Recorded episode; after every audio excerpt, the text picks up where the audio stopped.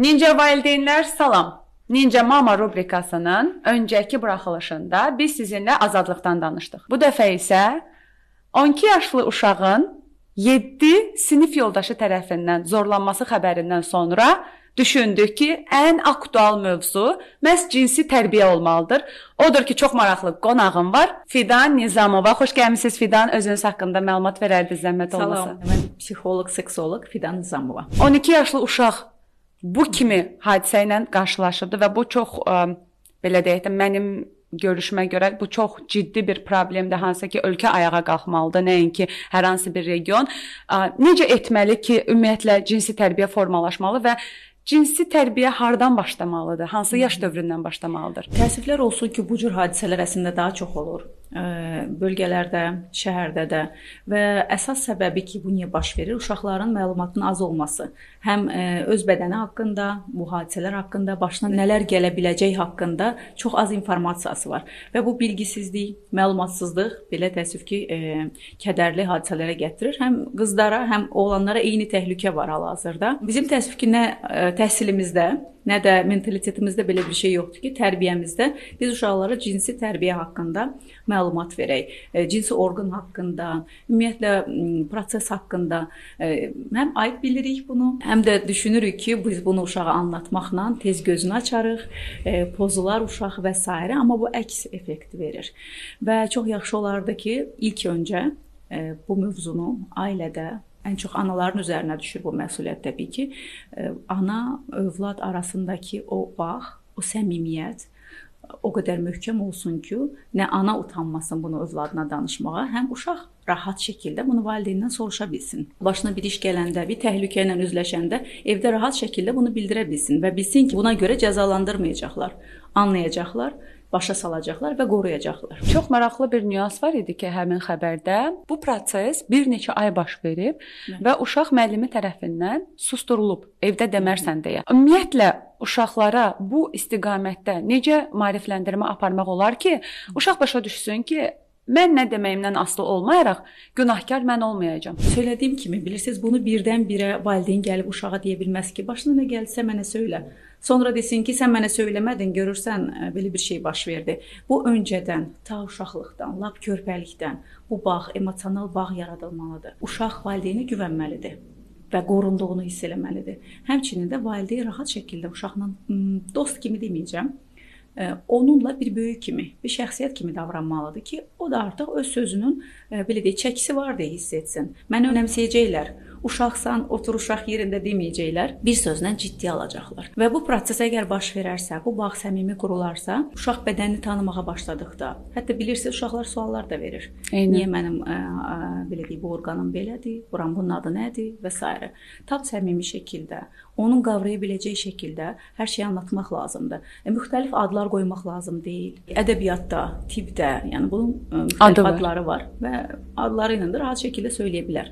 E, bu birinci mərhələ, ikinci isə yeniyetməlik dövrü çox vacibdir. Bilirsiniz ki, burada e, hormonal dəyişikliklər baş verir. Valideynlərə tövsiyə edirəm ki, yeniyetməlik dövrünə yaxınlaşan uşaqlar üçün hormonal e, analizlər versinlər. Hər şey doğru gedirmi? Bu çox vacibdir. Çünki gələcəkdə cinsi orientasiya bu çox böyük təsir göstərir. Həmin dövrdə nələrsə dəyişmək olur.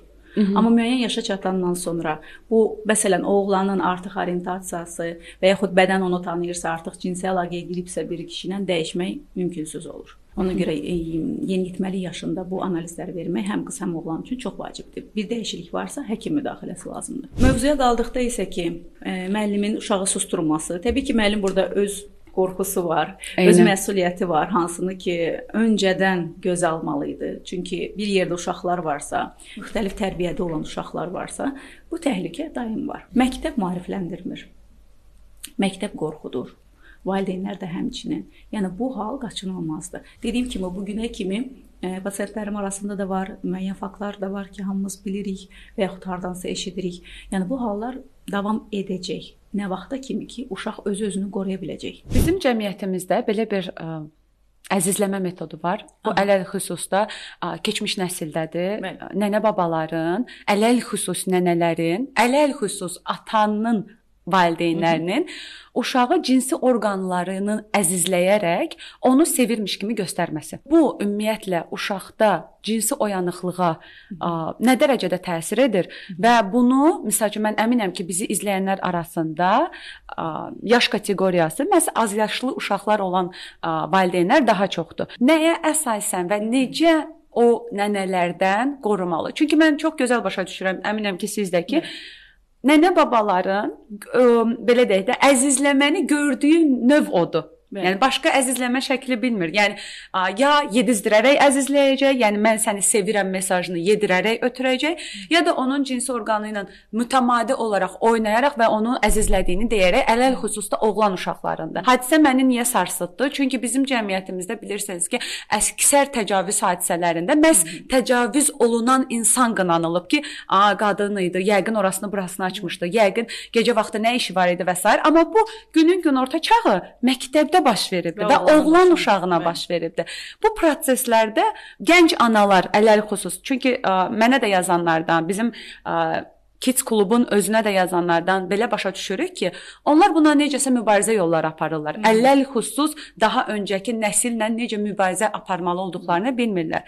Necə bunun öhdəsindən gələk? Cinsi orqanla oynamaq, öpmək və yaxud çılpaq şəkildə uşağın hər kəsin göz önündə gəzməsi normal deyil siz demiş, öyrəşmişik artıq, yəni bir növ adətə alıb alınıb ki, bu bir sevgi əlamətidir və s. amma əslində elə deyil. Bu nə psixologiyada belədir, nə digər elmlərdə bu normal sayılmır. Cinsi oyanıqlığa o qədər də bəlkə təsir göstərməyəcək, amma uşağın şəxsi sərhədlərinə, məhrumiyyət anlayışına birbaşa təsir göstərir. Qohumların ə, belə deyək, bu qədər özünə yaxın buraxmaq kənar insanları da bu qədər bədəninə yaxın buraxa bilmək kimi bir belə deyək mesajdır və ə, e, toxunmaqlar, yəni bir normallaşır sanki. Uşaq ə, e, gözünü açır və başa düşür ki, kimsə o ə, e, bunun bədənin istədiyi yerinə əl vura bilər öpə bilər.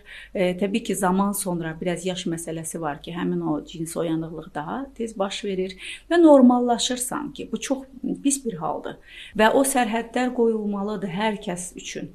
E, nənə və baba da bunu anlamalıdır. E, Bilirsiniz, müəyyən yaş kateqoriya insanlar var ki, hansına həqiqətən nə isə anlatmaq, izah etmək e, biraz çətin olur. Çünki qəbul etmirlər. Öz inandığı şeylər var, Eyni. gördükləri, yəni bir-birindən nəsildən nəslə ötürülən bir adətlər. Biz belə böyütməmişik ki, bizimkilər uşaq yəni, olub böyüməyib ki. Hətta deyirlər ki, bizə də eləmişdilər, bir şey oldu mu bizə? Seanslar zamanı yaşı 40 plus insanlar öz uşaqlıqda başına gələn zorakılıq hadisələrindən danışırlar. Hansını ki, indiyənə kimi susublar.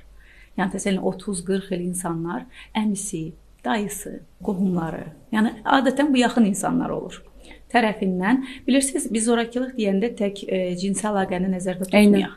E, bu toxunuşlardır, e, sığallamaqlardır, e, istəmədiyin hərəkətləri səndən etməkdir və dediyim kimi bu əsasən insanların güvəndiyi və mən evdə söyləsəm bunu, mənə heç kəs inanmayacaq kimi olan insanlar olur. Bundan da istifadə eləyirlər ki, mən sən əminəm, mən sənə zərər vermərəm. Beyində bir yerdə var ki, qohumumdursa, olar. Böyüdüsə, o sözü də heç sevmirəm əslində.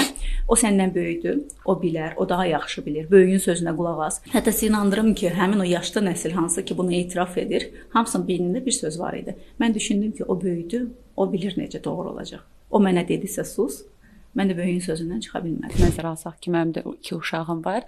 Bu istiqamətdə böyüdürəm ki, sənə kimin nə deməsindən asılı olmayaraq, Hı -hı. fərqi yoxdur neçə yaşı var, sorğula. Aha. Və mamada mamaya bildir. Bəli. Mama sənə deyəcək, doğrudur yoxsa yox. Bunu etməkdə əslində məqsədim odur ki, məsəl üçün əgər babası, nənəsi belə ona stereotip dolu bir söz deyəcəksə, cümlə işlədəcəksə, onu ayırd etməyi bacarsın. Nənəmdir, babamdır, düzünü deyir deyə yox, bu insandır, düzünü Hı. deyirmi deyə sorğulamağı öyrənsin. Hı. Məsəl üçün bu yaxınlarda başımıza belə bir hadisə gəldi ki, mən onda əmin oldum ki, artıq ə, e, mənim övladımda cinsi tərbiyə tamamlanıbdı.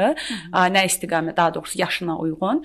5 yaşlı oğlum bizdə kafedə bir uşaq onu əzləmək məqsədilə qucağına aldı oğlan Hı -hı. və qışqıraraq üstümə gəldi ki, mən ona dedim ki, məni qucağa alma ehtiyac yoxdur, amma məni qucağına aldı. Hı -hı. və o mənim bədənimə toxundu. Mən amma istəmirdim bunu Hı -hı. və bunu bağıraraq kafenin ortasında üstümə qaçaraq gəldi. Hamımız şokdaydıq. O uşağın özü də şokdaydı. Çünki ayrı vaxt ondan zaten oynayırlar. Bəli. Və onda başa düşdüm ki, okey, demək ki, bu bədəni ilə bağlı olan sərhədlərini tanıyır. Biraz praktikaya keçmək istəyərdim. Hal-hazırda körpəsi olan analar bu prosesə necə başlasın? Buna görə sizə təşəkkür düşür ki, bu cür e, doğru tərbiyə vermisiniz. Öz sərhədlərini tanıması çox mükəmməl bir şeydir e, və bir də səsini çıxara bilməsi. Eynən. E, bu halı yəqin eşidirsiniz ki, ona təcavüz etdilərsə niyə səsini çıxartmadı? Həmin o qorxu bir də bilirsiniz, həmin prosesdə uşaq bir şok yaşayır. Eynən. Təsəvvür eləyin ki, siz hər gün öyrəşmisiniz ki, səhər açılır, gün çıxır və bir gün gün çıxmır, qaranlıqdır. Necə şok olarsınız? Eynən. E, bu bilirsiniz nə kimi qəbul edir uşaq onu? Böyüyün bir xəyanəti kimi. Axı mən böyüyə inanırdım. Böyük bir avtoritet idi. E, böyük insanın bir xəyanəti kimi Sadəcə şokdan səsi çıxmır və biz öyrəşmişik o su səsinin çıxmasın. Onlar da beyində öz sözünü deyir və e, çox nadir hallarda sizə bunu deyim ki, çox nadir hallarda uşaqlar müqavimət göstərir. E, çünki qorxu var canlarında, səs çıxartmaqla bağlı o şuuraltı bloklar var. Yəni bir uşağın səsini çıxartması üçün öncə dediyim kimi şəxsiyyət olması, mənim sözüm, mənim səsim ə, e, vacibdir, lazımdır. Yəni mən bir şəxsəm, bir insanam və o köməyə, o səsimi çıxarmağa ixtiyarım var. İkincisi, e, toxunmaq istəyirəm valideynlər nə etməlidir? Bu proses əslində uşaq bezlərinin dəyişməsindən başlayır. Hı -hı. Biz uşağı bel üstə uzandırırıq, hərəkətsiz, belə deyək, özünü qoruya bilmir və gözləyir. Və biz onu açırıq, cins orqanlarına baxırıq, ə, e, təmizləyirik və s. və yenidən bağlayırıq. Bu e, poza artıq bir insan üçün, bir uşaq üçün tanış bir şeydir. Uzanmaq, və sənin bədənində kimlərsə nəsə eləyir. Onun üçün çox vacibdir ki, bunu valideynlər eləsin. Və bu bir e, belə deyək, şuuraltı yaddaşda qalır. Wow. o qədər dərin detalına Bəli, indi ona görə elədim. Ə, çox vacibdir ki, uşaqlar 2 yaşına artıq ə, güvəcə ə, əyləşə bilsinlər və o prosesi artıq məni kimsə uzandırıb üzərimdə bir şeylər eləmək, yəni o balacalıq dövründə qalsın, körpəlik dövründə. e, eyni qaydada da uşağı çimizdirmək. 5 yaşından sonra artıq proses azalmalıdır. Uşaq artıq özü çimməlidir, hətta valideynlə bir sərhəd olmalıdır. Çünki bir dəfə nənə çimizdirsin, bir dəfə əmin çimizdirsin, bir dəfə xalan çimizdirsin, nə bilim dayı çimizdirsin. Bilirsiniz bu ə, sərhədlər çox pozulur artıq bizə sadə gəlir. Siz demiş, çünki öyrəşmişik bir-birimizə güvənmək və s. amma inanın ki, bilmirəm bu nə qədər doğrudur bunu demək, amma hər kəs potensial bir təhlükədir. Eynən. Çox razıyam bu fikirlə. Və bilirsiniz, ə, günümüzdə pedofillər də çoxdur. Bunu qınayaraq demək istəmirəm əslində. Bu da bir psixoloji pozuntudur. Bunun da bir nədəni, niyyəsi var. Kimsə sizin uşağınızı, "Hə bu gün ver mən aparım." Nə bilim, mənlə düşsün, bizdə qalsın. Yəni bunlar çox təhlükəlidir. Bu proseslərdən gec xəbər olar. Məsəl üçün, hal-hazırda 10 yaşında uşağı olan bir valideyn bizi izləyir. Hı -hı. Əgər uşağı nə vaxtsa belə bir qısnamaya təcavüz olmayıb, amma taciz olub. Hı -hı. Bunu valideyn valideyn necə ayırd eləyə bilsin ki, onun uşağı tacizə məruz qalıb, qısnamaya məruz qalıb yoxsa yox? Təcavüzə və qısnamaya məruz qalan uşaqlar əvvəlki kimi olmurlar. Məsələn, bir gün o məktəbdən qayıdır və əvvəlkindən daha susqundur. Daha çox otağına çəkilir daha çox tənhalaşır.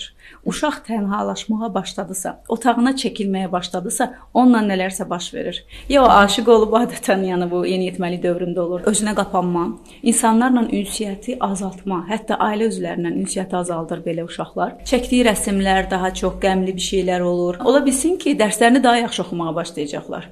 Çünki bir şeylə başını qatmalıdır o uşaq depressiv hal kimi görünür uşaq, daha çox yatmaq istəyir, əyləncəli şeylərdən daha uzaq olur. Bilirsiniz, bu mümkün olacaq bir iş deyil ki, bu gözə görünməz şəkildə baş versin. Ola bizim valideyn fikir vermədi buna və yaxud bilmədi ki, hə niyəsə keyfi yoxdur. Eynən, eynən. Eynən, bəli, bu mütəmadi davam edirsə bir müddət çox xahiş eləyərdim valideynlərdən ki, qəti şəkildə sən nəsə yaşayırsan, mənə demirsən, mütləq söylə. Yəni bu şəkildə olmaz.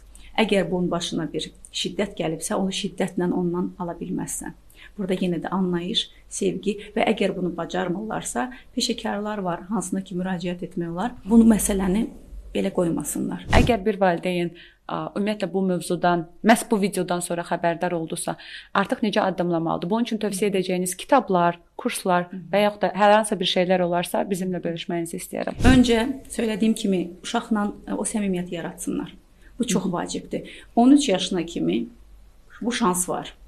13 yaşından sonra artıq gecdir. Səmimiyyəti, bu bağı yarada bilmək. Əslində düzü daha erkəndir, 7 yaşı və s. amma e, yeniyetməlik dövrü bir dəyişiklik, bir çevriliş dövrü Hı -hı. olduğu üçün bir şans var. İkinci məqam söylədiklərindən e, özlərini alsınlar. Yalan şeylər